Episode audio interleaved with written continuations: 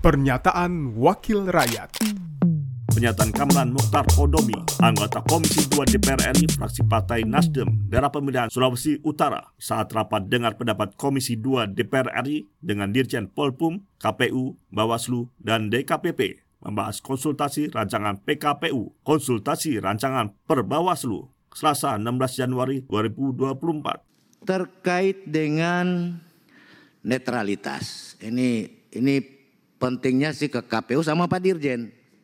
P3K yang baru diumumkan saja sudah ditunggangi. Ditunggangi. Satu P3K 13 KTP. Bayangkan.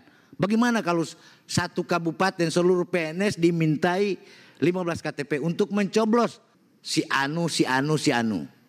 Nah ini mestinya harus ada akses langsung.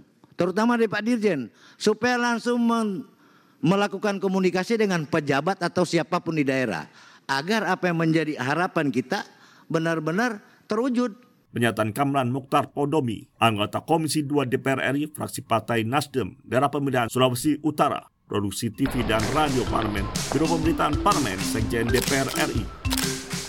Pernyataan Wakil Rakyat